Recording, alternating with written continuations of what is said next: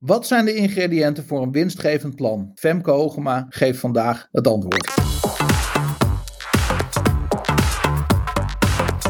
Nou, Roeland, welkom in de Storybrand virtuele podcast studio. Dankjewel, jij ook. Hoe bevalt het leven in quarantaine? het eind is in zicht en daar kijk ik naar uit. Echt, hè? Ja. Voor de luisteraar, uh, Roeland heeft uh, twee kinderen en één daarvan werd positief getest op corona. Dus nu zit het hele gezin nog, uh, ja, nog één dag, hè? Ja, de laatste dag, ja. Bijzonder hoe je dan in je eigen huis bent, maar je je toch opgesloten voelt. Ja, het is ook echt waardeloos. Maar goed, ja. voor het goede doel. Dat hoort erbij, hè? In, uh, in deze tijd, zullen we maar zeggen. Ja, zo is het. Nou, we, we starten dit jaar goed. We hebben Femke Hogema, die ook in het eerste seizoen onze gast was. Die is nu voor de tweede keer hebben we haar gevraagd. Want ze heeft de vorige keer gesproken over Profit First. Maar afgelopen jaar zagen we heel veel berichten van Femke voorbij uh, komen over winstgevende plannen. En wij vinden dat echt zo'n mooi onderwerp. En zij kan het zo duidelijk uitleggen.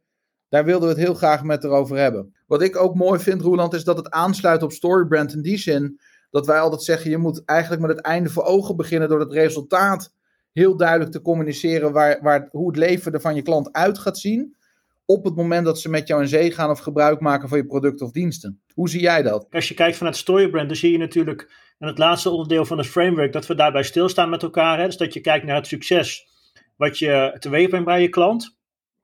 En dat, dat zijn vaak hele logische dingen, maar toch staan heel veel ondernemers er niet goed genoeg bij stil en is het daarom een onderdeel van uh, uh, het Storybrand script. En eigenlijk is, uh, mensen willen altijd begeleid worden. Hè? Die willen altijd weten van oké, waar ga ik heen? En op het moment dat je dat heel goed duidelijk kunt maken, hè, dus op het moment dat ik een, een, een, een, dienst of een product ga aanschaffen, dan gaat dat me, erg, dat gaat me iets brengen. Hè, ik, ja. Als ik een auto ga kopen, kom ik letterlijk verder. Hè, maar bij heel veel producten en diensten, ja, de, de, reden dat je het gaat aankopen is omdat je een probleem hebt en daarmee ook als dat probleem er niet meer is, je niet maar alleen maar dat probleem oplost, maar dat je vaak veel meer successen gaat krijgen. Ja.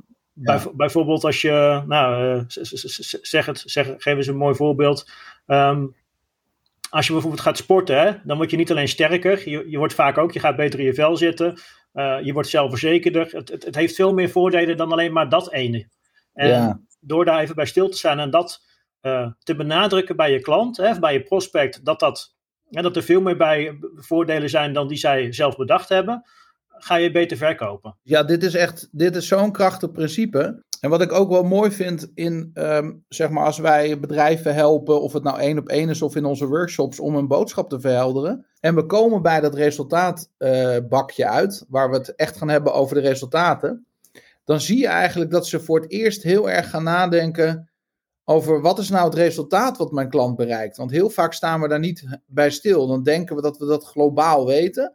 Maar door het heel concreet te maken, wordt het niet alleen tastbaar voor de ondernemer, maar ook voor hun klanten. Want daarna kunnen ze het in een marketingboodschap veel duidelijker gaan communiceren. Ja, en ik heb zelf ook wel eens gemerkt, ik weet niet of jij dat ook wel eens hebt gehad, Daan, dat je denkt van, ja, maar dat is toch logisch? Hoef ik toch niet bij stil te staan? Dat is toch logisch wat je ja. gaat krijgen? Ja. Maar, maar het, het, ja, het tegendeel is waar. Het tegendeel is waar, ja. Mijn frustratie zit hem wel eens in het feit dat als je bijvoorbeeld Storybrand een beetje leert kennen, dat je al heel gauw kunt denken van ja, maar dat, dat is toch logisch? Of um, ja, ik hoor niet echt iets nieuws, ik ken dit al. Of ik heb hem of haar dat ook wel eens horen zeggen. Maar als je er wat dieper in gaat duiken, daar zitten echt die paradigmaverschuivingen. En vaak ook gedurende de dag van zo'n workshop, zie je opeens dat bij mensen ook echt door de wol geverfde ondernemers aangaan op het gedachtegoed en de achterliggende informatie van Storybrand. Ja, het is, hè, als je dat zegt, dan doet me denken aan, uh, je, je staat in de keuken omdat je iets wil maken. Hè, dan kun je zelf lekker aan de gang gaan of je kan een recept volgen, wat je misschien al vaker gevolgd hebt. Maar door het recept te volgen ga je ook die ene uitkomst krijgen die je wil. Ja, Terwijl het is zo verduidelijk van, ja, ik ken dat recept al en... Uh, nou, laat maar zitten. Ik ga wel lekker zelf uh, aan de gang, want ja, het is ongeveer dit en een beetje van dat. Dat is wel grappig dat je dat zegt, want wij hadden met kerst, op eerste kerstdag, hadden wij uh, eten besteld bij een uh, goed restaurant hier in de omgeving, waar we graag ook komen. Dus ik, ik, samen met Tom hadden we twee dozen opgehaald. We waren met z'n viertjes. Uh, dus ik, Lis en Tom en mijn schoonmoeder. En Tom en ik hebben gekookt. En we hebben gewoon dat stappenplan gevolgd. En er was een filmpje bij elk gerecht. En als je dan kijkt naar alle gerechten, alle ingrediënten, et cetera, dan denk ik wel eens van ja, dat had ik misschien zelf ook wel kunnen bedenken. Ja. Maar bedenk het maar eens zelf en zorg dan ook nog eens een keertje dat het voorhoofd en nagerecht op elkaar aansluit, dat het één geheel is. En zo zie ik eigenlijk Storybrand ook. Je kan het misschien wel zelf bedenken, maar doe het maar eens. En zorg ook nog maar eens dat het één geheel is, zodat het lekker loopt. Ja, als je in het bos gaat wandelen, is het toch fijn dat, je gewoon, dat iemand een wandeling uitgestippeld heeft die jij gewoon kan volgen. In plaats van dat je zelf door het bos heen gaat banjeren en gaat kijken. Oh, laten we hier eens heen gaan. En dan drie keer een pad inslaat waar je niet verder kunt. Ja, dat je drie keer op hetzelfde punt uitkomt. Ja, zoals wij laatst hadden in Duitsland. Ja. Weet je dat? Ja, precies ja. Uh, Roeland en ik gingen naar een feestje van een klant. En midden in de nacht zijn we verdwaald en kwamen we ergens in Duitsland uit. Ja, dat was niet helemaal de bedoeling. Dat was niet helemaal de bedoeling. Nee. Maar uh, even terug naar de winstgevende plannen van Femke. Ik heb bij Femke eigenlijk hetzelfde. Winstgevende plannen klinkt zo logisch. En als je alle stukjes van de ingrediënten hoort, dan denk je, ja, dat kan ik misschien zelf ook bedenken. Maar A, bedenk het maar eens. En B, voer het maar eens uit. En door die hele complete structuur die soms vandaag gaat geven, weet ik zeker dat, dat we enorme impact kunnen maken met deze podcastaflevering. Daar sluit ik me 100% bij aan. Ja, mooi. Zullen we naar het interview toe gaan? Lijkt me een goed idee. Femke Hogema is eigenaar van Profit First Professionals BV en Healthy Finance. Ze inspireert ondernemers om een financieel gezond en winstgevend bedrijf te bouwen. En ze leidt boekhouders, accountants en business experts op tot winstadviseur en Profit First Professional. Ze is auteur van de nummer 1 bestseller Winstgevende Plannen en ondertussen ook in het Duits en Engels verschenen. Ondernemen in crisistijd, de winstadviseur en in 2020 internationaal uitgebracht onder de titel The Profit Advisor en Financiën voor ZZP'ers. Ze haalde de Profit First methode naar Nederland en droeg bij aan de Nederlandse bewerking van het boek Profit First. In 2019 was ze als financieel coach te zien in het SBS6-programma Hoeveel ben je waard? Femke is een veelgevraagd spreker en regelmatig te horen op BNR Business Radio. Hier is Femke Hogema. Nou, hartelijk welkom in de studio van Storybrand, Femke, voor de tweede keer. Leuk Ja, dankjewel Daan. Ik voel me vereerd om wederom hier in de Storybrand podcast te staan. Geweldig. Nou, ik vind het heel gaaf dat je er weer bent. We hebben het de vorige keer gehad over Profit First. Ja. Maar ik zou heel graag ook met de luisteraar willen delen. eh, want je hebt zoveel te bieden, zoveel waarde te geven. Ja. En het onderwerp waar ik het met je over wil hebben is winstgevende plannen. Ja. Maar voordat we naar de inhoud gaan, wie is Femke en, eh, en waarom winstgevende plannen? Ik ben in 2022 ben ik 15 jaar ondernemer. Ja. En ik heb van begin af aan de grotere missie gehad dat ik wil dat alle ondernemers financieel gezond en winstgevend ondernemen. Ja. En dat is echt wel de rode draad door alles wat ik doe. Dat ik vind dat eh, financiën ehm, belangrijk is. Geld is net zo belangrijk in je bedrijf als Ja. zuurstof in je lijf. Dat is Wauw. eh, eh, Ja. ja, dat, dat, is, dat is waar ik voor sta. En ehm, dus, dus ik ben ondernemer. Ik ben ook spreker. Ik sta heel graag op een podium om te vertellen over ondernemerschap en geld en mindset. Ja. En ik ben schrijver. Ik heb vier boeken geschreven en ik ga dus nu beginnen aan mijn vijfde. Hoe spannend is dat? Vind ik wel heel spannend hoor. Dus dan sta ik hier nog een keer, hè? met, mijn- met, met, met mijn vijfde boek. En, ehm, en ik ben trainer. Ik train accountants en boekhouders. Die leid ik op tot winstadviseur, Profit First Professional. Ehm, en verder ben ik, eh, ben ik ge- getrouwd en hebben wij Ja. twee kinderen. Ja. En hou ik heel erg veel van sporten. Ik eh, sport het liefst vier keer in de week. En waarom vind je sporten zo belangrijk als ondernemer? ondernemer zijn gaat over. heeft heel veel te maken met wie jij bent en Ja. hoe jij bent. En dat gaat, betekent dus ook. voor mij betekent het ook energie. Ja. Als ik geen energie heb, kan ik niet ondernemen. Nee. Dus eh, ja, energie is goed in je vel zitten, is goed slapen. Ja. Maar dat is ook gewoon fysiek sterk zijn. Ja. En dus daar maak ik wel een dingetje van. Ik vind Ja. het heel belangrijk om fysiek sterk Ja. en dus letterlijk energiek te zijn. Ja. En ik merk dat nu ik wat ouder word, dat ik, dat ik s'avonds veel eerder moe ben. Hè? Dus Ja. het heeft wel effect op mijn energie dat ik ouder word. Ja. Maar ehm, ja, sport is daar wel heel belangrijk in. Ja. Mooi. Ja. Ehm, winstgevende plannen. Mhm. Eh, kun je iets vertellen over de reis die jij hebt afgelegd? Hoe je. Want je hebt een boek geschreven, winstgevende plannen. Je hebt een programma, winstgevende plannen. Ja. Daar kun je misschien zoiets meer, meer over vertellen. Maar uh, van profit first naar winstgevende plannen. Ja, het ging eigenlijk andersom. Ging andersom. Ja, maar het is, wel, het is een leuke reis geweest door Daan, die reis. Want ik ben dus 15 jaar ondernemer. En een jaar of zeven geleden, of acht misschien wel, ja. maakte ik een flinke stap qua omzet. Laat maar zeggen, een ik ging boven de ton omzet uit. Ja. En um, ik denk dat ik van iets onder de ton naar 150k omzet ging. Dus dat was anderhalf keer zoveel omzet. Ja. En, uh, en ik ben financieel slim. Hè? Ik heb een financiële opleiding. Ik leid mensen op in geld. Dus ja. ik, ik snap financiën en ik snap de boekhouding. Maar wat mij overkwam op dit moment was dat ik in mijn eigen cijfers keek aan het eind van het jaar. En dat Mm. ik oprecht schrok, omdat ik zag dat mijn omzet was dan wel met 50% gestegen van iets minder dan een ton naar anderhalve ton. Maar mijn winst was echt gedaald. Ja. En ik zag dat en ik dacht, wat, wat, wat, wat is hier nou gebeurd? Ja, ja. Ik schrok er ook een beetje van. Ik dacht, hoezo heb ik dit niet gezien? Dit is mijn vak. Ja. Um, en de reden dat ik het niet gezien heb, is omdat ik de winst nog hoog genoeg was om mezelf iedere maand nog steeds een goed salaris uit te betalen. Dus het viel niet meteen op. Nee. Maar ik dacht wel, help, dit is wel dit is wel heftig. Ik maak Ja. meer omzet en minder winst.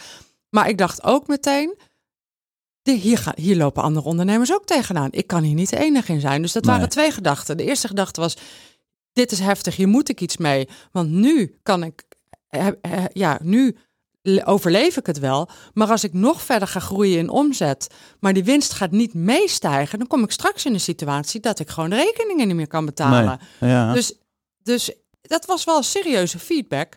Maar ik zag ook meteen de business opportunity. Want ik dacht, ja, maar als ik dit heb, dan Ja. hebben andere ondernemers Ja, dit zeker. ook. Dus ik Ja. zag ook meteen een kans qua product. Dat was natuurlijk wel mooi. En ongeacht de grootte van een onderneming. Ja, Want wij denken natuurlijk vaak, eh, zeker als je net begint hè, en je hebt alles van, van scratch af aan, heb jij je business opgebouwd. Mhm. Dan kan ik me voorstellen dat je als, eh, eh, zeg maar in die fase van je onderneming denkt van ja, maar als ik maar, hè, als ik maar groei naar die omzet, dan komt het allemaal dan wel komt goed. het hè? allemaal goed. En, maar er zijn natuurlijk heel veel ondernemers met heel veel personeel, Ja. met panden, Ja. met apparatuur, met machines, Ja. die hetzelfde probleem hebben. Nee, maar echt, dit leerde ik van Mike McCallowich. En Mike Ja. McCallowich is de, de auteur van Profit First, de grondlegger van Profit First. Die zegt het heel mooi. Die zegt, als je een ton niet kan managen, kan je een miljoen al helemaal niet managen. Nee. En, en daar vergissen we ons in. Er zijn veel ondernemers die denken, ja maar als, als ik die volgende goede deal binnensleep, Ja. als ik inderdaad de stap maak dan naar 2 ton, 3 ton, een half miljoen, een miljoen of boven een miljoen, als, als, als, dan komt het goed. Maar zo werkt het niet. Nee. Je moet vanaf het begin af aan zorgen dat je winstgevend bent. Nou, daar Ja. gaat Profit First natuurlijk ook heel erg over. Dus, dus dit speelt in iedere fase van je bedrijf. Ik ben op dat moment, dus de, het moment dat ik zag dat mijn eigen omzet steeg, maar mijn winst daalde, toen ben ik gaan zitten en toen ben ik mijn eigen winstgevende plan gaan maken. En een winstgevend plan is heel simpel eigenlijk. Het is wat financiële mensen kennen als een begroting of Ja. een budget. Ja. Ehm, maar zo noem ik het expres niet, want dat is gewoon een heel saai woord. Dus dan gaat niemand het doen. Maar Hmm. het gaat ook wel iets verder. Want het, het ouderwetse begroting is eigenlijk heel vaak dat je gaat kijken naar wat is er vorig jaar gebeurd. En dan doe ik er 10% bovenop. En dat is dan volgend jaar. Ja, ja. Dus dat is een hele theoretische exercitie. Daar zit geen visie Er achter. zit geen visie achter. En een winstgevend plan is eigenlijk heel anders. Een winstgevend plan, ehm, wat het uiteindelijk is, hè, om even met het eindresultaat te beginnen, is Ja. een, een, een, een, financieel overzicht waarin Ja. staat hoeveel omzet ga ik maken met Ja. welke producten, welke kosten komen daarbij kijken en hoeveel winst maak ik dan onderaan de streep. En is die winst genoeg voor mijn doelen, voor mijn Ja. persoonlijke doelen, voor mijn zakelijke doelen. Dat is een winstgevend plan. Dus het is echt een, ja, in één A4'tje zie je wat staat mij te doen om mijn doelen te realiseren Ja. op financieel gebied.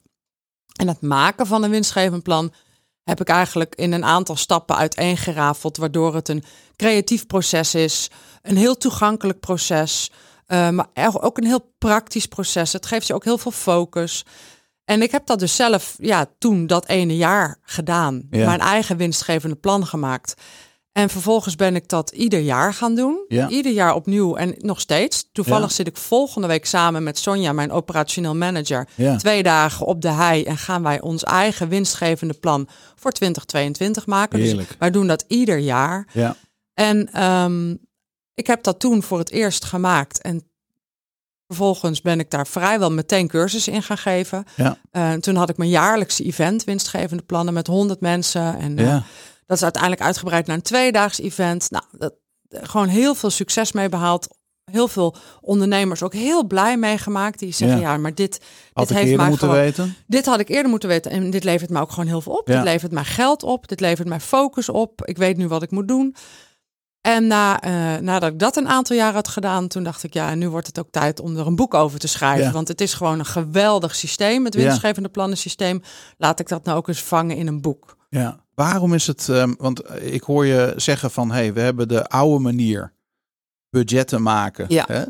Dat gaat eigenlijk uit van de situatie zoals die is Ja. en hoe het misschien een beetje beter kan worden. Ja, precies. En jij rekent precies andersom. Je zegt nee, wat wil je bereiken? Ja, ja. En hoe ga je dat dan doen? Ja, dus je, precies. je begint eigenlijk zoals het ook past bij een ondernemer. Ja. Want zo ben je ook ooit begonnen. Klopt, precies. En wat, wat het gekke is, is dat heel veel ondernemers die zullen luisteren, die zullen misschien wel erkennen dat ze geen plan hebben. Dat ze Ja. geen winstgevend plan hebben. En eigenlijk is dat gek. Ja. Want als je geen winstgevend plan hebt, of geen begroting, zelfs niet, hè, niet hebt nagedacht over wat ga ik nou volgend jaar doen? Ja. Heel concreet, welke diensten en welke producten ga ik nou volgend jaar op de markt zetten, verkopen? Welke kosten komen daarbij kijken? En als Ja. ik dat allemaal ga doen wat ik nu in mijn hoofd heb, hoeveel winst ga ik daar dan mee maken? En is dat dan genoeg? Als je Ja. er niet van tevoren over nadenkt, dan on- onderneem je dus eigenlijk op hoop van zegen. Dan zeg Ja. je eigenlijk, zeg je dan, nou, ik ga gewoon eh, dingen doen. Ik ga Ja. gewoon kijken of ik eh, werk krijg. En ik, ik overdrijf altijd een beetje. Maar ik ga gewoon kijken wat er op me afkomt. En ik ga eens wat acquisitie doen. En dan ga ik gewoon dingen doen. Ja. En dan hoop ik maar dat ik eh, aan het eind van de rit genoeg overhoud. Ja, dat is natuurlijk een heel slecht plan. Ja. Ja, En dus- ook gevaarlijk. En ook gevaarlijk. Ja, en dan is het precies wat jij zegt. Dan is het idee van een winstgevend plan, is dat je eigenlijk met een schone lei begint. Ja. En dat je, dat je ik, ik zeg altijd, de eerste stap is eh, start with why van Simon Sinek. Begin nou eens even met je af te vragen, oh ja, waar doe ik dit ook alweer voor? Wat is ook alweer het grotere plaatje? Ja, Dus niet meteen duiken in, ik wil klant X of Y of Z binnenhalen, want dan Nee. zit je in de details. Ja. Maar waar, waar doe ik dit ook alweer voor? Ja. Wie wil ik ook alweer helpen? Met welk probleem? Dus echt even het grotere beeld. En wat wil ik neerzetten in de wereld? Ja. Eh, want als je daarmee verbindt, dan heb je in ieder geval een heel stevig fundament van waaruit je vertrekt. Ja. Wat is jouw visie daarop? Hè? Want kijk je dan, zeg maar, help je, je, je de deelnemers van de, zeg maar, het event winstgevende plannen, of als ze het boek Mhm. lezen of de cursus Mhm. volgen, hoe ver, wat is de stip op de horizon? Wa- Wat is jouw visie op een lange termijn of middellange termijn? Of is die, hè, want die visie is het jaar, het komende Mhm. jaar is Ja. natuurlijk redelijk kort. Ja. Maar ik kan me ook voorstellen, ja, we weten ook niet hoe het de wereld over tien jaar. Waar, waar, hoe, hoe zie jij dat? Ehm, ik, ik, maak altijd, ik maak een combinatie in alles wat ik doe met het winstgevende plan en het 12 weken plan. Oké. En het winstgevende plan is eigenlijk, je, je begint dus met je, met je grotere visie. En daar Ja. zit dus ook in waar wil je uiteindelijk heen. Ja. Ehm, van daaruit maak je een plan voor een jaar. En dat jaarplan, dat is echt letterlijk heel concreet dat je jezelf, en dat is stap 2. Dus stap 1 is, is de grotere. Ja. Stap 2 is dat je heel concreet eh, gaat opschrijven op, op, eh, op post-its. Ja. Wat zijn de diensten en producten die je het komende jaar wil gaan verkopen? Ja. En sommige bedrijven hebben één post-it. Die zeggen, ja, ik heb maar één dienst. Ja. Maar sommige hebben wel dertig ideeën. Ja. En ik zeg altijd, zet nou alles op post-its. Dus wat je nu doet, maar ook wat je in je hoofd hebt, wat je heel graag nog eens zou willen doen. Ja. Hè, bijvoorbeeld, ik wil heel graag nog een keer een event organiseren. Of ik heb een heel gaaf nieuw, nieuwe dienst in mijn hoofd Ja. die mijn visie wel ondersteunt, maar die ik nog niet heb. Nee. Zet alles nou gewoon eens op papier. Ja, dat is al een geweldige stap, Daan. Want daardoor gaan mensen alles wat ze al die jaren in hun hoofd hebben verzameld aan grote ideeën, kleine ideeën, gewoon eens even visueel op, Ja, op post-its ja, maken. Dat geeft al zoveel inzicht dat men zegt, Heerlijk. oh, dit, dit is inderdaad wat ik allemaal in mijn hoofd heb. Mm. En nu ligt het voor me op tafel. Dus dat is, dat is al een hele belangrijke tweede stap. Eh, en vervolgens komt de derde stap. En dat is dat je al die ideeën in een tij- tijdslijn gaat zetten. Dus ik Ja. zeg altijd, pak nou een groot flip-overvel, Ja. hang het overdwars op de muur, schrijf Oh ja, daar de, de maanden van januari tot en met december op en ga al die producten en diensten nou eens in de tijdlijn plakken. Ja. En dat is een heftige, want dan gaan mensen zien, ja, maar dit kan niet allemaal. Ik kan niet alles volgend Nee. jaar, dat gaat gewoon Nee. niet. Ik kan toch niet drie nieuwe producten lanceren, want ik moet het ontwikkelen, ik moet het marketen, dat kan helemaal niet. En daar zie je al hoe belangrijk het is om dit daadwerkelijk te doen. Ja. Want als je dat niet doet, dan ga je of nul van die producten lanceren, want je Ja. hebt nooit tijd, want je bent altijd druk met Ja. gewoon de waan van alle dag. Mm. Maar als je denkt dat je alles moet doen, dan ben je teleurgesteld, want dan Ja. lukt het niet. Ehm, dus dat uitzetten in de tijd van je plannen en wat je eigenlijk wil gaan verkopen, Ja. ja, dat, dat is de eerste keuzes die je gaat maken. Dan ga je, want vorig jaar heb ik dit dus ook weer met Sonja gedaan. En van alle post-its die we in stap 2 hebben verzameld, heeft nog geen 30% het naar het uiteindelijke flap overvel gemaakt. Ja. De andere 70% ja, die is gesneuveld in de strijd. En die Ja. moesten gewoon even wachten. En Ja. eentje daarvan komt dit jaar wel op het ja, dus dat plan was er vorig jaar al. Maar we hebben Dus vorig alles jaar wat, je, alles wat je niet gaat gebruiken voor Mhm. het komende jaar, bewaar jij. bewaar je. En ja. dat is voor die langetermijnvisie. Precies, precies. Hè? De- Ja. Dus je wordt eigenlijk ook gedwongen in de logica Ja.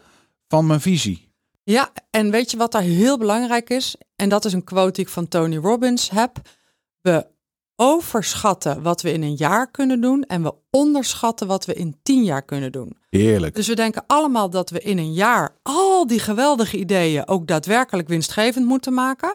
En als dat niet lukt, ja, dan hebben we gefaald tussen aanhalingstekens. Ja.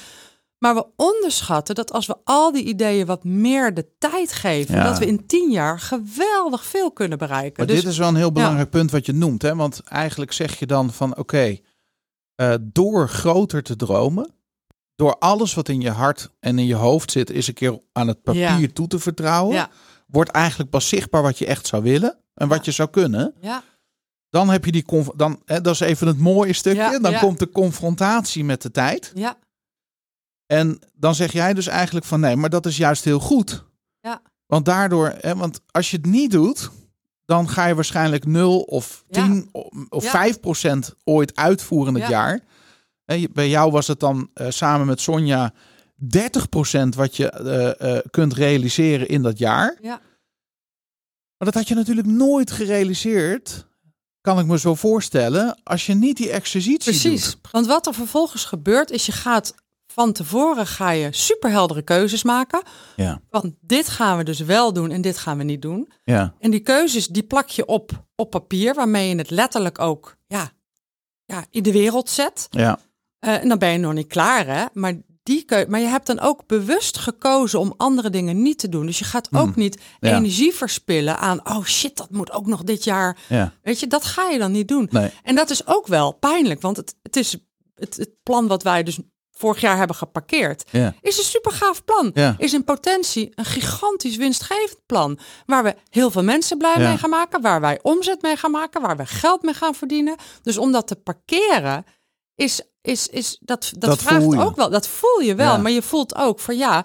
Maar als ik geen keuze maak, dan creëer ik chaos. Nee. Dus ik moet wel keuzes maken. En je hebt voor iets anders gekozen. En je hebt voor iets anders gekozen. En dat waar wij wel voor hebben gekozen, is ook gerealiseerd en Heel heeft gaaf. ons twee ton omzet Ja, opgeleverd. kun je nagaan. Ja, Wat zie jij? Ja. Je hebt net een winstgevend eh, eh, plannen-event gehad. ja, Wat zie jij in de zaal gebeuren met deelnemers op het moment dat ze die confrontatie aangaan? ja. En de, de- wat gebeurt er bij mensen? Ehm, heel veel. Eh, ik, het, eerste wat er gebeurt is dat mensen gigantisch veel inzicht krijgen en helderheid. Ja, Maar ook dat ze letterlijk mogelijkheden gaan zien. Dat ze gaan Ja. zien, "Oh, maar ik kan dit gewoon gaan realiseren. Ja. Er is niks wat mij ervan weerhoudt om dit gewoon echt te realiseren. Dus het gaat ook voorbij het dromen, gaat het letterlijk naar het plannen. Ja. Dat is natuurlijk een hele grote stap. Je kunt Ja. eeuwig blijven dromen. Maar op een gegeven moment moet je het ook gewoon gaan plannen. Moet je het gaan doen. ja, Ehm, dus er gebeurt heel veel met mensen. Mensen gaan, gaan letterlijk de mogelijkheden zien. ja, En wij doen nog veel meer tijdens zo'n event. Want zo'n event gaat ook over het managen van je mindset. En Ja. hoe, hoe doorbreek je nou blokkades. En dus, dus, dus er gebeurt dan nog, nog heel veel meer. Maar echt het concreet maken van ja, dit is waar ik Ja. voor ga kiezen, dit is wat ik ga doen. Maar ook het letterlijk zien wat dat aan omzet kan opleveren. Ja. Ja, dat is heel gaaf. Maar het is ook voor sommige mensen heel confronterend. Want je Ja. gaat op een gegeven moment, dat is de volgende stap, ga je aan al die ehm, dingen, producten en diensten, ga je ook bedragen hangen. Ja. En dan ga je dus van tevoren uitrekenen, ja, hoeveel omzet ga ik hiermee maken? En dan zie je ook gebeuren dat mensen denken, oh shit, ik had eigenlijk gewoon, ik had in mijn hoofd dat ik een x, hè, laten we Ja. even voor het gemak zeggen dat ik, dat ik 100 wilde doen. Ja. Maar als ik dit nu zo allemaal uitteken, dan kom ik maar op 50. Dus ha, dan gaat iets niet mis. Ja. Iets niet goed. Ja. En dan moet je dus weer van tevoren keuzes gaan maken. Want dan moet je dus of twee keer zoveel gaan doen. Dus meer klanten, meer producten, meer programma's, eh, wat het ook is, meer uren. Of je moet de prijs verhogen. Ja. En Ja. dus dan moet je van tevoren keuzes gaan maken. En ik zeg ook altijd, eh, je gaat, als het op papier niet winstgevend is, wordt het in het echt ook niet winstgevend. Nee. Want klanten Mooi. gaan je niet per ongeluk meer betalen dan dat jij op de factuur zet. dat gebeurt gewoon nee. niet. Nee. Dus je, jij moet erover nadenken, Ja. hoe kan ik dit winstgevend maken? En dat moet je van tevoren bedenken. Ja. En dan zeggen ook nog heel veel ondernemers: ja, maar ik weet toch van tevoren niet hoeveel klanten ik ga krijgen. En dan Mhm. zeg ik altijd: en daar gaat het ook niet om. Het gaat er niet om dat je van tevoren. Het gaat er niet om dat je in de toekomst kunt kijken. Ja. Het gaat erover dat je van tevoren uitrekent. Als ik ga doen wat ik wil doen, is dat dan winstgevend? Ja. Ja. Daar gaat het om. Ja, dus eigenlijk eh, zit je dan weer in die confrontatie. Hè? En ehm, dus alleen die confrontatie, ik noem het even bewust zo, omdat als je, als je geen plan maakt, Mhm. Dan heb je aan het eind van het jaar een confrontatie met Ja. jezelf. Want dan heb Ja. je niet gerealiseerd wat je wilde realiseren. Ja. En heb je eigenlijk je agenda aan de toeval overgelaten. Precies. En dat is natuurlijk een drama. Ja, dat is een Want drama. we weten allemaal dat ieder, de meeste ondernemers kunnen gerust een dagje achter hun e-mail gaan zitten Ja, en een hele dag druk zijn met, Met het niks. behandelen van wat de andere van jou wil. ja. En dan ben je dus niet bezig met wat jij van jezelf wil. Nee, klopt. En dat is ook de kracht van een winstgevend plan. Dat Ja. je dwingt uiteindelijk, want het stopt niet bij het winstgevend plan. Daarna komt het 12 weken plan. Ja, eh, dat het je dwingt om uit te gaan van wat jij wil. In Ja. plaats van afhankelijk te worden van wat een ander van je wil. ja. Die prijs, hè? want ehm, je zegt dan eigenlijk van oké, je hebt die eh, post-its, je hebt Ja. een tijdlijn, Ja. je hebt keuzes gemaakt Ja. van wat je dit jaar gaat doen. Ja. Dan ga je rekenen, Ja, dan want dan, het moet gaan kloppen. Ja. Ehm, hoe voorkom je dat je een winstgevend plan denkt te hebben gemaakt, Ja, ehm, maar je hebt jezelf rijk gerekend? Ik zie ook heel vaak Ja. bij ondernemers gebeuren dat ze een plan maken en dan inderdaad, ja, dit gaat niet worden. Nou, weet je wat, dan moeten we gewoon twee keer zoveel gaan doen. ja. Eh, hoe, hoe zorg je dat er intelligentie komt in die berekening of in dat plan? ja, dat is een goede vraag. Eh, ik denk dat dat aan de ene kant een kwestie is van aldoende leert men. Ja, Dus het zal waarschijnlijk zo zijn dat je het eerste jaar dat je een winstgevend plan maakt, ja, is de confrontatie misschien wat harder dan het tweede of het derde jaar. ja, Want ja, ik heb ook wel eens dingen in mijn winstgevend plan gezet en dat ik na zes maanden dacht, oh ja, shit, dat wilde ik ook nog doen. Daar hebben we nog niks aan gedaan. nee, Als je kijkt naar het vorige jaar, het laatste winstgevende plan, en dat is dus al mijn hoeveelste, mijn tiende, ja, eh, afgelopen winstgevende plan, dan kijk ik ernaar en denk, ja, dat hebben we gedaan. We Ja. hebben gedaan wat we Ja. gepland hadden. Dat is misschien best wel saai, hè? Sommige mensen denken, goh, wat saai. Dan weet je dus, ja, maar dit is wel predictable ondernemen. Dit is Ja. wel. Dus en hoe voorkom je dat nog meer? Nou, dan, ik heb het nu al een paar keer genoemd, maar dat zit hem dus ook in dat 12 weken plan. ja.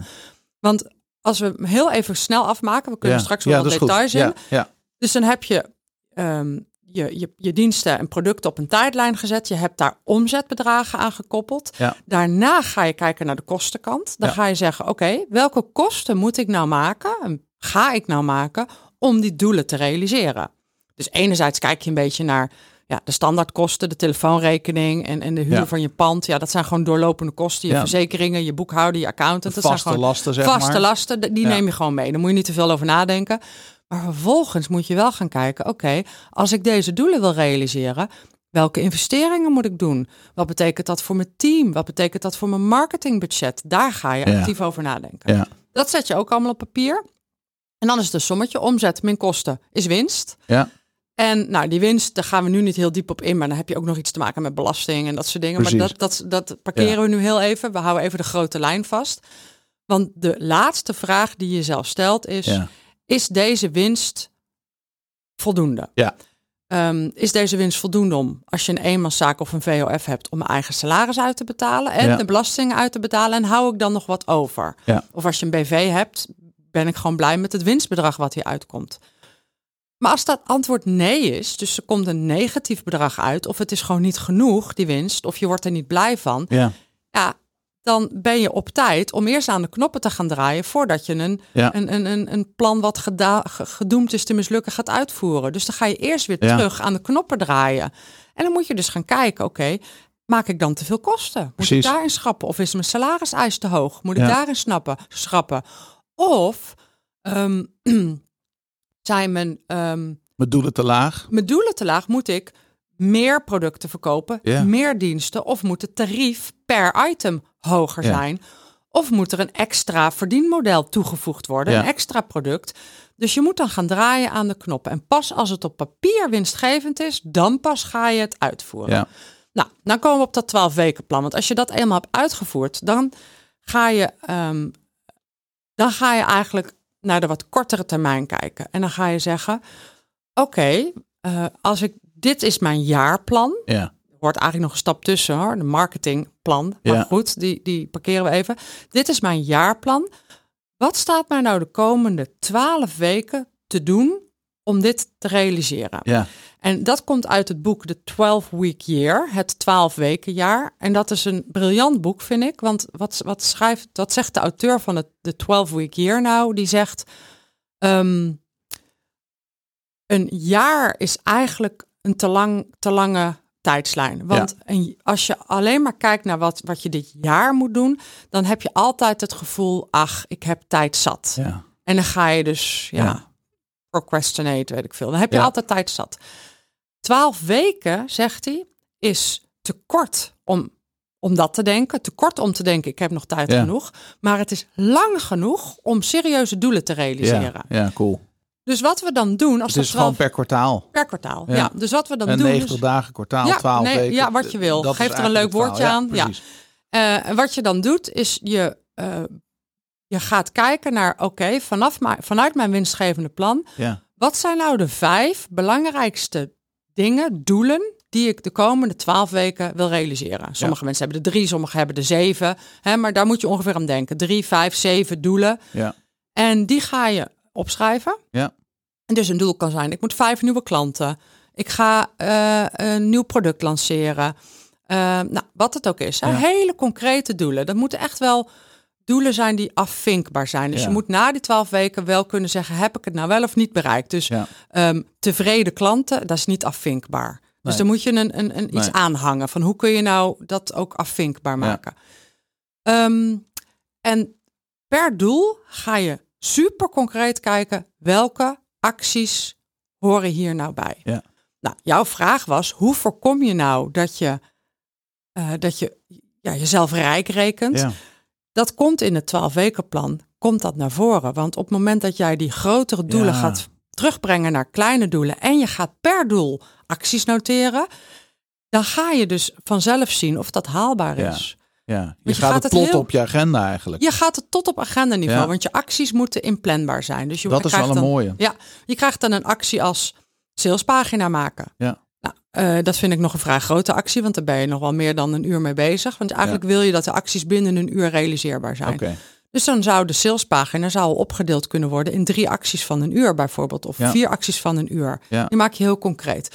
Eh, vijf nieuwe klanten, ja, dat, is een, dat, is, dat is, zijn geen acties. Je kunt niet 's ochtends op maandagochtend naar je agenda kijken en zeggen: Zo, nu ga ik eens vijf nieuwe klanten binnenhalen. nee. Dat zijn geen acties. Dus welke acties moet jij nemen Hmm. om vijf nieuwe klanten binnen te halen? Nou, dan krijg je ineens een heel concreet en uitvoerbaar plan. Ja. eh, waarin precies staat wat jij moet doen om je doelen te realiseren. Perfect. Perfect. En je krijgt ook Ja. heel snel feedback. Want als jij eh, na, ehm, na de eerste week nul van je 12 weken doelen van die week hebt gedaan, ja, dan weet je dat je nooit je doelen gaat halen. Nee. Want je hebt gewoon niks gedaan. Dus Nee. het wordt super concreet. Heerlijk. Ja. Ja, dus, dus je zegt iets over eh, pricing. Kijk, ik heb altijd geleerd, je kunt op verschillende manieren geld verdienen. Mhm. Of meer klanten, Mhm. of meer verkopen aan je bestaande klanten. Dus een Ja. upsell. Of, Ja. hè? Ja. of je prijzen verhogen. Ja. Dat, Ja. dat zijn, tenminste, dat zijn de mogelijkheden die ik weet. Ja. Die laatste, daar willen we volgens mij als ondernemer het minst snel aankomen. Ja. Prijzen verhogen, dat vinden we heel spannend. Ja. Vooral als we maandabonnementen hebben of eh, vaste klanten en, en, en dat soort dingen. Ervaar jij dat ook zo? En hoe, je noemde namelijk net iets over in zo'n winstgevende plannen-event Mhm. gaat het ook heel erg over mindset. Ja, ja. Dus ehm, waar zit dat? Hoe zie jij dat bij ondernemers? Ja. En hoe, hoe help jij ze om, om die stap te zetten? Ja, dat is echt wel, het is zo'n belangrijk onderdeel. Ja. En er is ook zoveel gedoe bijna over prijzen. Ja, Want wat is nou de juiste prijs? Dat is natuurlijk een heel moeilijke vraag. Ja, wat, zeer is, wat is de arbitrair. juiste prijs? Ja. En als we het eerst heel even over de techniek van prijzen hebben. Ik denk dat te veel mensen, te veel ondernemers, toch nog gaan kijken vanuit uren. Ja. Eh, zeker ZZP'ers kijken vaak vanuit uren. En als je dan een product hebt, dan kijk je vanuit de kostprijs van het product. Ehm, en voor, kost, voor, voor producten is dat ook nog wel begrijpelijk. Want ehm, ik denk dat als je met een product de markt op gaat, dan moet je wel van goede huizen komen. Wil jouw, jouw product vier keer duurder zijn dan hetzelfde product van de Ja. concurrent. Ja. Maar als we het even over uren hebben, dan is dat toch wel een heel lastig ding. Want ja. de waarde die jij levert heeft niks te maken met de uren die je erin stopt. nee. En wat het lastige is van uurtje factuurtje is hoe slimmer jij wordt, hoe beter jij wordt, hoe sneller jij wordt hè, door de ervaring die je Ja. opdoet. eh, hoe meer waarde jij aan de klant levert in dezelfde tijd en hoe minder de klant dus eigenlijk gaat betalen voor die waarde. Ja, Dus dat is heel curieus. ja, Dus uurtje factuurtje is wat dat betreft sowieso een heel slecht plan. Ja. Dus een van de dingen is dat ik mensen ook leer om na te denken over niet zozeer uurtje factuurtje als het als het dienstverleners zijn, maar programma's. Ja. Maak nou eens echt een programma en ga nadenken vanuit de resultaten die je voor de klant realiseert. Ja. En zo'n eindresultaat kun je opdelen in stappen. En dat weet jij, want jij bent expert in je vak. Dus dan Ja. is het een kwestie van heel goed gaan kijken. Wat zijn de tien stappen die ik samen met de klant ga doorlopen om dat gewenste Ja. resultaat te Ja. En er zijn de business coaches die dan zeggen, en dan kun je voor zo'n programma moet je gewoon een, eh, een eh, heel hoog bedrag vragen. En, Ja. dan, en dan vraag je daar gewoon 50k voor. En Ja. dan, eh, Dan komt ligt het daar-. Ja, en dan komt het wel goed. Ja. En daar ben ik persoonlijk niet zo van. Dat is niet helemaal mijn manier. Ik denk dan, als je nou al die stappen gaat onderverdelen in wat ga ik dan precies doen en welk resultaat gaat mijn klant dan bereiken in die stap. Maar ook hoe ga ik die stap dan leveren? Is dat dan een gesprek of is dat dan een vragenlijst? Dus dat je dat heel erg gaat opdelen, dan krijg je heel veel inzicht in ja. Sterk. eigenlijk steeds de waarde die je in iedere stap levert. Ja. Maar je krijgt ook inzicht in wat je eigenlijk allemaal moet doen om tot dat eindresultaat te komen. En dan Ja. kom je er echt niet met één coachingsuurtje. En misschien volgende week nog eens een coachingsuurtje. Dat ga Nee. je dan zien. Dan ga je ook voelen wat die waarde is. Ja. Uiteindelijk denk ik dat de meeste mensen dan toch op basis van de uren die ze erin moeten stoppen, een soort van prijs zullen gaan bepalen. En ik vind dat helemaal niet zo erg. Nee. Want wat er vervolgens gebeurt, is ga het eerst maar eens doen met je klanten. Ga Ja. dat programma maar eens doen. Als je dan gaat zien dat jouw klanten eh, enorm veel resultaat behalen uit jouw programma, dan ga je voelen, en dat is ook mindset, dat je te goedkoop was. Ja. Dan gaat het knagen. Ja. Dan ga je denken, holy fuck, heb ik dit Ja. allemaal gedaan voor dat Ja. kleine beetje geld? De tweede klant wordt duurder. Ja. De derde klant wordt duurder. Totdat er een moment komt dat jij voelt, ja, nu geef ik een goede waarde voor een bijbehorende prijs. Ja. En dan is je prijs dus niet uit de lucht komen vallen omdat Nee. een of andere business coach zegt: als jij een ton wil verdienen, hoef je maar twee klanten voor 50k te hebben. Veel plezier ermee. Ja. Dat vind ik geen prijsstelling. Nee. Dus ik ben meer een voorstander van: ga het nou gewoon doen. Begin niet te hoog, begin ook Ja. niet te laag. Hè? Want als iemand bij mij komt voor 25 euro per uur, dan ga ik niet met hem werken, want ik geloof niet dat ik daar waarde voor kan krijgen. Dus Nee. reken Nee. jezelf ook niet te Nee, goedkoop. en economisch ook onmogelijk. Wat zeg je? Economisch ook onmogelijk, denk ik. 25 euro per uur, Ja, toch? precies. Is ook onmogelijk. Nou, Ja. daar wil ik nog wel één ding over zeggen. Ehm, maar ga gewoon leren van de ervaringen. En ga ook zien wat de waarde is die de Ja. klant daadwerkelijk krijgt. Dan wordt jouw prijs ook beter. Ja. En daar moet ik nog een heel belangrijk ding over zeggen. Een van de onderdelen van het winstgevende plannen, training of event is ook dat ik mensen laat uitrekenen wat een reëel uurtarief is. Ja. En ik zei net, ik vind niet dat je uurtje factuurtje moet werken, maar ik vind wel dat iedere ondernemer moet hebben nagedacht over de, zijn kostprijs. Of Ja. dat nou uren is of Ja. producten. Dus je moet je uurtarief uitrekenen. En in dat uurtarief zit ook dat je je eigen pensioen moet opbouwen. Zit ook dat je misschien eens op vakantie wil. Ja. Zit ook dat je misschien eens een studie wil doen. En dat kost en Ja. tijd, Ja. maar ook geld. Dat zit allemaal in die kostprijs. Ja. En daar heb ik een mooi sheetje voor gemaakt. En als ik mensen dat laat, dat is trouwens ook nog gratis te downloaden, dus dat kunnen we zo nog wel even delen.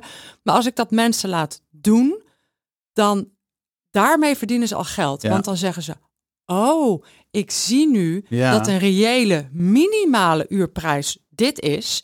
En omdat ik dat heb uitgerekend, heb ik veel meer zelfvertrouwen. Want Ja. als ik dat niet uitreken, dan voelt 100 euro per uur heel veel. Maar nu ik het heb uitgerekend, zie ik gewoon, Dus ja, gewoon fair. maar dat is gewoon fair. Ja, Dit is gewoon wat, wat het moet kosten.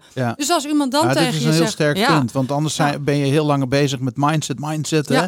Ja. En, en, en, en allemaal eh, Ja. dingen doen om te Ja. zorgen dat je het gefixt hebt in Ja. je hoofd. Nee, je moet gewoon zorgen dat het klopt. Je moet gewoon zorgen dat het klopt. En dus enerzijds zeg ik, ik vind niet dat je uurtje factuurtje moet werken. Want dat doet geen recht aan de waarde die je levert. Nee. Maar anderzijds zeg ik, je moet wel weten wat je minimale uurtarief is. Zodat je daar niet onder gaat zitten. Nee, nee sterk punt. Heel mooi. Ja, Ik, wilde, ik weet ook weer waar ik het, eh, wat ik nog wilde vragen. Je zei net van, oké, sommige ondernemers vinden het misschien saai als je hele jaar van tevoren al bedacht is. ja. Hè, dat, dat is toch ook een beetje ondernemers eigen. Hè? Zo van, ja, maar dan, eh, waar is dan mijn creativiteit of spontaniteit of wat dan ook? per punt. Ja, en ik, ik denk juist dat als je het heel goed uit hebt bedacht en gepland hebt, ja, dan is er juist ruimte voor spontaniteit en extra dingen. Want wat is spontaan aan het hebben van geen plan? En wat is spontaan aan het hebben van geen geld? Ja, Ja, en wat is spontaan aan het hebben van stress? Ja, Helemaal waar. Ja. Eh, er zijn heel veel mensen die tegen, zeggen tegen mij: Ik wil geen winstgevend plan maken, want ik onderneem in de flow. ja. Ja, je hoort al aan de manier waarop ik het zeg dat daar een lichte irritatiefactor bij mij op zit. Ehm, ik onderneem ook in de flow. Ik Ja. ben een enorme creatieveling. Jij kent Ja. mij al een tijdje. Jij Ja. weet hoe creatief ik ben. ja. Eh, ik heb twee jaar geleden bij het uitbreken van de coronacrisis op 13 maart. ja. eh, twee weken later kreeg ik een mailtje van de uitgever. Eh, oh ja, wil je een boek schrijven over ondernemen in crisistijd? Ja, ja. Ik, ja, cool, ga ik doen. ja. Nou, dat was twee weken na het uitbreken van de coronacrisis. En toen zei ik, niemand wist toen hoe lang het zou gaan duren. En Nee. we hoopten allemaal dat het na de zomer over was. ja. Dus ik zei tegen de uitgever, dat is goed, ik ga dat boek schrijven. Maar dan moet het voor de zomer in de winkel liggen. Want anders is het misschien Ja. wel weer overbodig. Ja. En toen moest de uitgever een beetje lachen. En de uitgever zei tegen mij, maar hoe snel ga je het schrijven? En toen zei ik, out of the blue, tegen de uitgever, drie weken. ja. En toen zei de uitgever, Monique, die zei tegen mij... als jij het in drie weken schrijft, beloof ik dat het drie weken later in de winkel ligt. Wauw. Nou, dat slaat... dat- Jij weet Ja, dat- hoeveel dat werk het is ja. om een boek te schrijven, Ja. te redigeren, Wel te een stoer uitgever trouwens. Heel stoer, heel Ja. stoer. En, en ook gaaf van jou. En dit is ook gebeurd. Ja. Dus wij, wij hebben samen, dat was echt een bizar project. Want normaal gesproken duurt het, het, het in de winkel krijgen van een boek vanaf het moment dat de, de, de schrijver klaar is met schrijven totdat het in de winkel ligt, ja, duurt zeker vier maanden. Ja. Dus dat wij het hele traject in zes weken hebben gedaan, is bizar. Maar Bovendien zijn er natuurlijk allemaal regels. Hè, of tenminste, een, er is een soort gang van zaken. Ja, dat je hebt drie ja. keer per jaar, geloof ik, een, een, een blad wat ook uitkomt. nog, ook nog. En dan weten de boekhandels van, oh, dat gaat er komen. Oh, dat ga ik pre-orderen. Ja, dus hebben we allemaal niet aan meegedaan. Nee. En ook, eh, je moet eerst een boek schrijven en dat moet dan geredigeerd worden. Ja, Eh, nou, wat, wat de uitgever deed, is die zei: Oké, da- dat kan dus niet. We kunnen niet eerst jou laten schrijven en dan een redacteur rustig eens twee weekjes daarnaar Nee. laten kijken. Dus de uitgever zei: Ik ga het voor je redigeren. Iedere keer als jij een hoofdstuk af hebt, mail het naar me toe. Dus zij heeft het on the flow geredigeerd. wauw. Ja, dus dat is echt heel tof. Maar dat is dus wel ondernemen in de flow. Hè. Dat Ja. stond niet in mijn winstgevend plan. Er was niemand die van tevoren bedacht. Maar er was toch ook ik- nooit ruimte voor geweest als je geen plan had gehad? Want hoe weet je dan of er tijd voor is? Precies. Ja, Dus kik hoor. Dus in de flow ondernemen kan Ja. precies wat jij zegt, kan alleen maar als je ook kunt zien aan je plan dat Ja. het kan. Want Ja. het is niet zo dat ik, dat ik even een boek kan schrijven en dat dan, weet ik veel, iemand anders mijn salaris gaat betalen. Ja. Ik moet nog steeds wel zorgen dat ik ook, ik ben hoofdkostwinnaar. Ja. Mijn man heeft ook een goede baan, maar Ja. ik, ben, al- ik ben heel trots dat ik gewoon kan zeggen dat ik hoofdkostwinnaar ben. Ik breng meer in. Ja, tuurlijk. Ehm, dus er moet wel brood op de plank komen, zoals dat heet. En eh, dus het feit dat ik een plan heb en dat ik weet hoeveel geld ik ga verdienen. En dat ik ook weet wat ik moet doen om dat geld te verdienen. Maakt dat ik ook andere dingen kan doen. Dat Ja. ik ook een boek kan schrijven. Ja. Dus ja, natuurlijk is ondernemen een kwestie van in de flow. Maar ondernemen is ook nadenken Ja. over hoe ga ik zorgen voor brood op de plank. Ja. Dat is het ook. Dus het is Geweldig. beide. Ja. Winstgevende plannen. Er is één hoofdstukje wat je hebt overgeslagen. Dat gaat even over dat marketingstukje. Ja. Ehm, jij zegt met zoveel zekerheid. ehm, ik weet gewoon wat me te doen staat Ja. om dat doel te bereiken en het geld te verdienen. Ja. Er zijn ook ondernemers die die zekerheid nog niet voelen. Nee. Of denken van ja, maar hoe kun je zo zeker van je zaak zijn? Ja. Hè? Eh, bijna geld creëren eigenlijk. Ja. Weten dat als jij iets gaat ondernemen, Ja. dat daar een resultaat uitkomt. Hè? Daar moet je naartoe groeien. Voor de ondernemer die nu luistert en Mhm. daar nog niet is, Mhm. wat zou je tegen die ondernemer willen zeggen? Ja, dat vind ik altijd een beetje spannend als ik tegenover jij, jou sta. Want jij bent de marketingman hier in de zaal. Maar nee, maar dat, dan dat- toch even mijn verhaal. ervaring. Ja, nee, dat Ja. weet ik. Ehm, wat mijn verhaal is als het gaat om marketing, is dat er zijn een aantal dingen die samen moeten komen. En het Ja. begint ermee dat jouw product of jouw dienst een antwoord moet zijn op een vraag of een probleem van jouw ideale klant. Ja. Daar begint het mee. Kom je vrij snel achter. Namelijk op het moment dat jouw product of dienst één keer verkocht is, en dan niet aan je moeder of aan je zusje, Ja, hè, maar één keer ja. aan een echte klant verkocht is, Ja. dan weet je dat je in potentie iets in handen hebt wat dus echt waarde vertegenwoordigt. Dus als je het één keer kunt verkopen, kun je het ook vaker verkopen. Het begint wel met die eerste keer. Als je Ja. een nul keer hebt verkocht, ja, dan zeg ik altijd, dan, dan, dan zul je toch echt eerst bewijs Ja. moeten verzamelen dat het van waarde is. Want er zijn, daar kunnen we ook heel eerlijk over zijn, er zijn toch best wel veel ondernemers die vanuit een passie gaan ondernemen en die er Ja. ergens zelf heel erg enthousiast van worden. Hun coaching of hun training. Maar het aan de straatstenen niet verkocht krijgen. Omdat Nee. ze niet goed genoeg hebben nagedacht van... lost het nou echt een probleem op van mijn klant? Ja. Maar als dat wel zo is en je hebt het een keer verkocht... en je weet Ja. dat, dat, dat het echt eh, ja, dat, dat het gewoon gekocht wordt... dat mensen het nodig hebben... dan is marketing een kwestie heel goed jezelf de vraag stellen... wat is nou de route waarop die klanten bij mij komen? Ja. En dat heeft enorm veel ingrediënten. Nou, dat is de funnel. Hè? Die route Ja. is de funnel.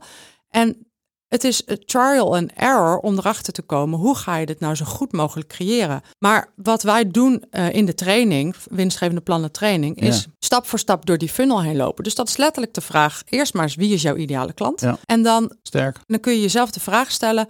Hoe eh, vindt die klant jou nou? Hoe Ja. komt die nou bij jou? Ja. En er zijn natuurlijk honderd manieren voor iemand om met jou in contact te komen. Ja. Is dat via social media?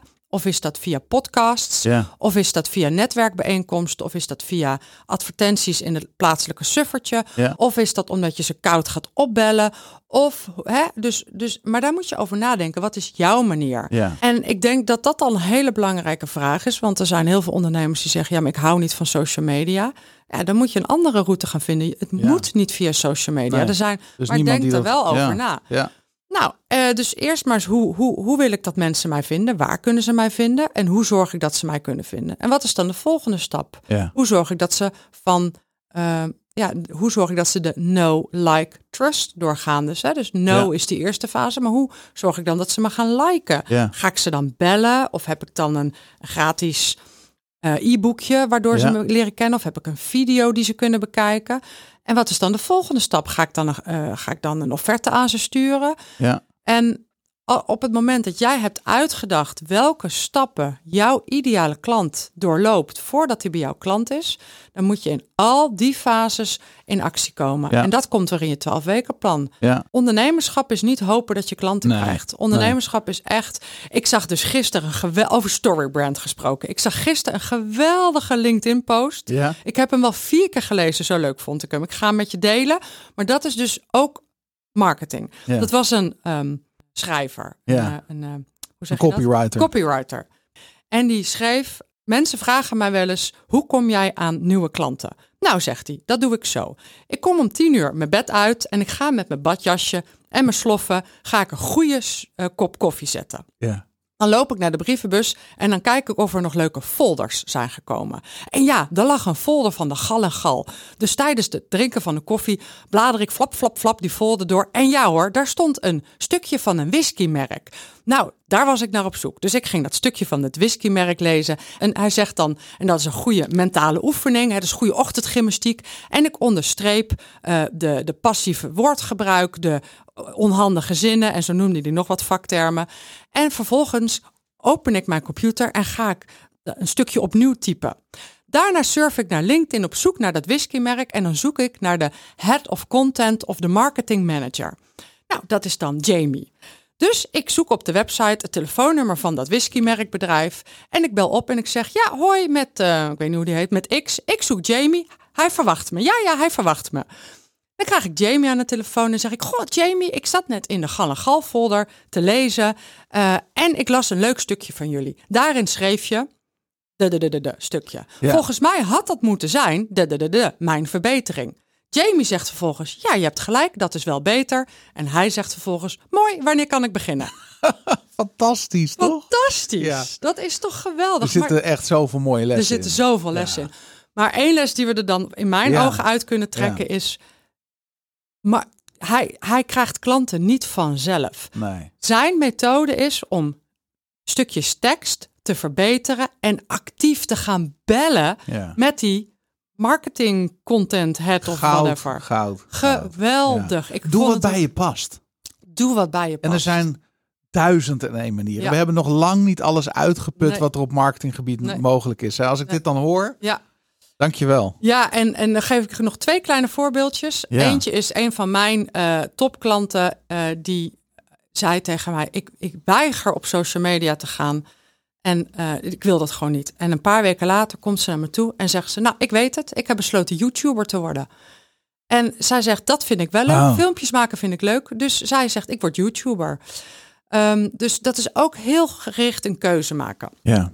En het laatste voorbeeldje gaat over mijn eigen bedrijf. Nou, daar weet je alles van. Ehm, onze grootste uitdaging is ook marketing en sales. Ik bedoel, we doen het goed. We zijn op weg naar een miljoenenbedrijf. Ja. Maar de grootste uitdaging is voor ons marketing en sales. En Sonja, die zei Ja. eh, vorige week, en daar was jij bij, Ja. die zei, ja, moet jij niet gewoon een halve dag per week, en dat kwam wel door jou, want jij doet dat Daan, Ja. moet je niet een halve dag per week dedicated sales doen? Ja. Nou, toen begon ik een beetje te grommen, want dat vind ik niet zo leuk. ik, ik, ik typ liever stukjes dan dat ik de Ja. dedicated sales moet doen. Ja. Maar ik ben erover na gaan denken. En toen dacht ik, ja, dit is wat we moeten doen. Dus Ja. ik heb een week later tegen Sonja gezegd, ga maar inplannen in mijn agenda. Wauw. Wauw. Dus het Kikken. komt niet vanzelf. Ik Nee, moet ook nog vanzelf. steeds wat doen. Hè? Ja, Het is niet zo ja. dat ik nu succesvol ben en dat ik naar mijn hangmat kan Ja. gaan liggen wachten tot het geld binnenkomt. Sterker nog, op het moment dat je op weg bent naar een miljoenenbedrijf, betekent dus dat je ieder jaar opnieuw ter waarde van dat bedrag sales moet doen. Ja. Dus Precies. Het, het is echt, dat is niet zo van het is er eenmaal en het blijft wel vanzelf komen. Zo werkt het Nee, spelletje en, en niet. hoe ik er naar kijk, is dat jouw marketing eigenlijk heel goed werkt. Mhm. En je hebt je expertstatus geclaimd. Je hebt het territorium afgebakend. Mensen kennen jou. Mhm. Dus nu wordt die sales juist makkelijker. Mhm. En ik voorspel al dat als je dat eenmaal hebt staan, dat je denkt, hé, hey, maar dit kan ik delegeren. Maar door het helemaal zelf te doorleefd hebben. Ja.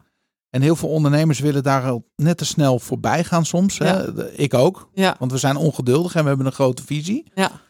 Maar, eh, en, en ik heb dit ook niet eens zelf verzonnen. Ik was op een gegeven moment in een conferentie in Arizona. ja. En, en je hebt altijd in zo'n conferentie, je gaat van podium naar podium. Hè. Je, je ziet Ja. al die sprekers, de grote podia, de kleine zaaltjes.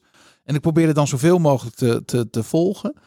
En een van die sprekers, die ehm, zei van ja, ik ga iets met je delen. Wat misschien wel anders is dan je van me verwacht. Maar ik ga alle mislukkingen uit mijn bedrijf met je delen. En daar had hij een grafiek van gemaakt. En hij zei, kijk, hier ging het heel goed. En hier zie je dat het heel slecht ging. Nou, wat heb ik daar gedaan? Welke fout heb ik daar gemaakt? Nou, die presentatie, ik had mijn schoonvader meegenomen. Ik had geen zin om alleen te reizen. Ik zeg, joh, Willem, wil je met me mee? En dus hij heeft gewoon een, eh, een week zijn, eh, zijn eh, tandartspraktijk gesloten. Oh, echt? Is gewoon meegegaan. Wij zaten in die zaal. Dit is absoluut dus niet zijn vakgebied. Nee. Maar hij zegt, die presentatie is de enige die ik nog weet. Want het ging over het echte leven. Ja. En een van zijn opmerkingen was van we, we halen ons als ondernemer vaak te snel uit het salesproces. Terwijl daar het geld ligt. En als je nou zorgt dat de rest gewoon goed draait en jij kan heel veel sales doen, zul je harder kunnen groeien. En dan kun je dat sales team wel uitbreiden. En daar kwam mijn opmerking van. Ja. ja. Nou, en ik denk dat er nog veel meer speelt. Als ik kijk naar mezelf, dan ik ben heel goed in sales. ja. Maar er is nog een verschil zijn tussen. Er is nog een verschil tussen heel goed in zijn en het heel, heel erg veel zin in hebben. Er zit ook wel een drempel. Ja. Want als ik moet kiezen tussen een blog schrijven of een, een account Ja. gaan bellen, ja, dan ga ik liever een blog schrijven. Ik hou wel Ja. van een beetje typen in mijn kantoortje dat niemand me stoort. Dus dat zullen meer ondernemers hebben. En dan denk ik, ja, eh, man up, woman up. Ja. Eh, als je geen zin hebt om ook de moeilijke dingen te doen, Ja. ja, dan, Ja. Dan, dan, dan moet je maar in loondienst gaan. Of ja, dan moet je ook moeilijke dingen. Ja, de dat weg hoort van bij het leven. Ja, de weg van de weer, minste weerstand. Hè? Als, als je heel erg op het gevoel gaat zitten van dit voelt niet goed of dit vind ik niet fijn. Dan ga je nooit stappen dan, zetten. Dan, dan, je zegt ook niet tegen je kind als die ochtends geen zin hebben om naar school te gaan van nou dan ga je toch niet. nee, precies. Ik bedoel, ja, precies. je weet dat als ze er zijn en ermee bezig zijn, dat ze het heerlijk vinden en Ja. blij thuiskomen en vriendjes hebben gemaakt en dingen hebben geleerd. Ja, ja, precies. En dan is er ook nog, ik weet zeker dat er nu mensen zitten te luisteren die denken, ja, een halve dag sales per week, maar wat moet ik dan doen? Ja. En hun, voor hun heb ik ook nog een quote. Ik hou erg van quotes. Ehm, how is the least relevant question? Als je Hmm. weet wat je wil en waarom je het wil, dan volgt de hoe vanzelf. Ja. Dus ik weet waarom ik het wil. Wij Ja. willen groeien naar dat miljoen omzet per jaar. Ja. Ik weet wat ik wil, sales. Ja.